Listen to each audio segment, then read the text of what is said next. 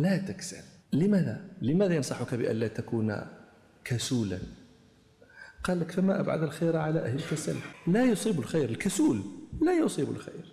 لا يصيبه لا يدركه. ما أبعده يقول هو فما أبعد الخير على وجه التعجب. اشتد البعد بين الخير وهذا الكسول. وهذا الشيء يعني كان العلماء يعرفونه ويوصون به أن من أراد سلوك سبيل العلم فلا بد من الاجتهاد. إذا كان لا يجتهد إذا كان يؤذيه حر المصيف وكرب الخريف وبرد الشتاء ويلهيه حسن زمان الربيع فأخذه للعلم قل متى. كان أحد شيوخنا يقول أتعب قدماك فإن تعبا قدماك. ما بيض وجه باكتساب كريمة حتى يسوده شحوب المطلب. لابد لابد ربنا سبحانه قال ليحيى يا يحيى خذ الكتاب بقوة بقوة. أما الأخذ الفسل الأخذ الهلهل المترهل هذا لا ينفع هذا لا ينفع. صاحبه يضيع الوقت يضيع الوقت. هذا أخذه بعض الشعراء يقول عكف على الكتب وادرس تحز فخار النبوة فالله قال لي يحيى خذ الكتاب بقوة. يريدون إدراك العلوم رخيصة. ولا بد دون الشهد من إبر النحل. ومن يطلب الحسناء يسخو بمهرها وطالب شهد لم تخفه اللواسع. ما أبعد الخير على أهل الكسل. إذا كنت أنت ترى أنه لا بد لك لجسمك ليرتاح أن ينام ثمانية ساعات. وبعد ذلك لا بد من أن تفطر الفطور الطيب المناسب. ثم بعد الغداء لا بد أن تقيل قليلا. ثم بعد العشاء لا بد أن تسمر مع أصحابك وإخوانك. أنا أبشرك. قال جرير زعم الفرزدق أن سيقتل مربعا. أبشر بطول سلامة يا مربع. واهجر النوم وحصله وحصي العلم بهجرك النوم. أنا قلت لك بدنك يحتاج. والله أنا يقول الأطباء إن أقل ما يمكنه أن أن ينامه الإنسان ليكون بدنه في راحة هو ثمان ساعات. أنا أشك في أن هذا الطبيب كان ينام ثمان ساعات لما كان هو يطلب العلم علم الطب. ولو كان ينام ثمانية ساعات هذا لا يصلح أن تذهب إليه. يكون من من من حثالة الأطباء هذا. يقول سهري لتنقيح العلوم ألذ لي من لثم غانية وطول عناق. يرى فيه لذة. لذة. وتمايلي طربا لحل عويصة. أحلى وأشهى من مدامة ساقي.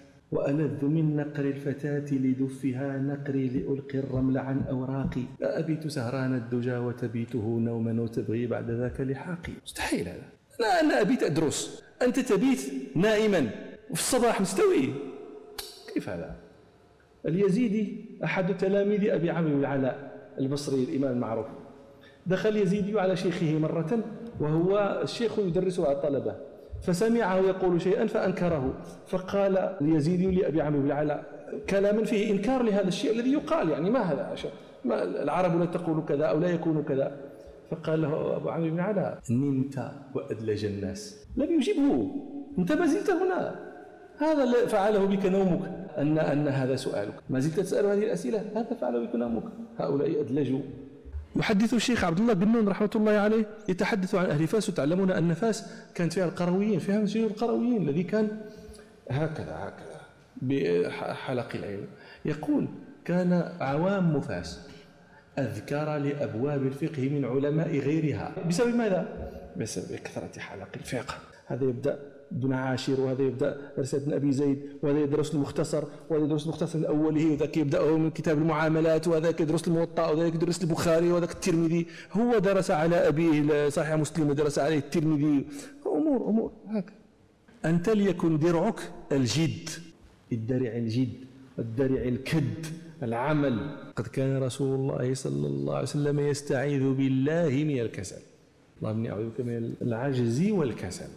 فإذا تركت الكسل ادرعت الجد الاجتهاد الآن عندما يسير جابر بن عبد الله رضي الله عنهما إلى عبد الله بن أنيس مسيرة شهر في طلب حديث واحد. أي جد واجتهاد أعظم من هذا؟ حديث واحد. جابر في المدينة عبد الله بن أنيس في الشام ويركب إليه شهرا. ليش؟ لحديث واحد. انتظر حتى يكون عندك 500 ألف حديث تسأله رحلة طويلة. واحد. قلت لهم مرة الآن يعقد درس في الأربعين النووية تحتاج أنت فقط تقطع الطريق ولا تأتي. هذاك يمشي شهر يعني كيف تصل؟ هذه الأمة الأمية. ما عندها علوم.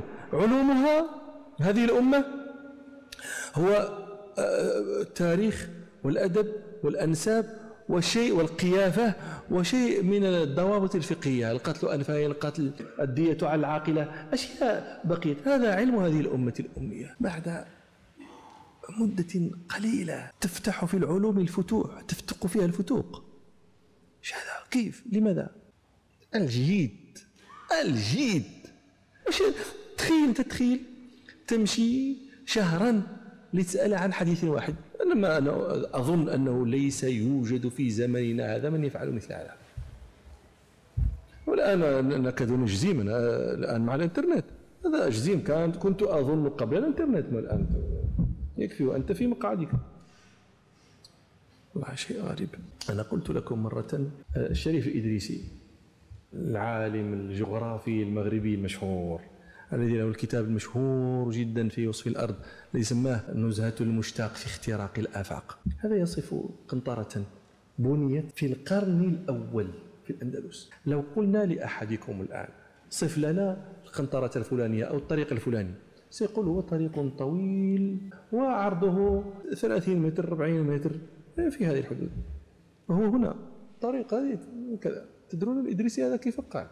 عرضها كذا وكذا من الأشبار يذرعها. لا يقول والله بين 20 30 متر. هذا كله فرق أنت. كله 10 أمتار كلها ما عندك لها قيمة. آه، في لها جوانب تعلو تصل القامة. مستواها على النهر في الجزر كذا وكذا من الأشبار. في المد كذا وكذا من الأشبار. فيها كذا وكذا عدد كذا من الأقواس. كل قوس استدارته كذا وكذا من الأشبار. أقول هذه قنطرة.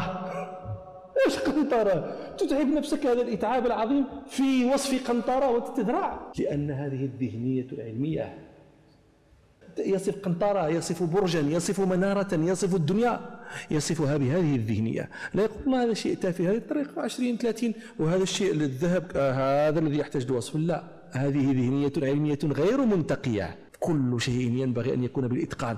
ولهذا قال الفقهاء القدرة على اليقين تمنع من الشك. أنت قادر على اليقين. لماذا تعمل بالشك هذا هذا تقدم العلم؟ لهذا علموه ابن البنا المراكشي.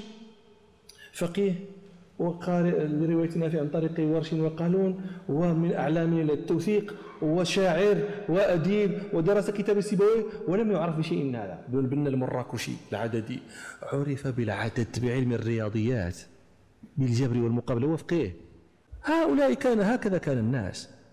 هذا ابن البنا من يتحدث عنه في باب الرياضيات؟ لم يتحدث عنه العرب؟ يتحدث عنه أهل الرياضيات من العجم. الدومييلي وسارترون ولا لاند. يتكلمون عن ابن البنا المراكشي الذي ولد في قاعة بن هذه قاعة بن حومة صغيرة في مدينة قديم مراكش الذهنية العلمية؟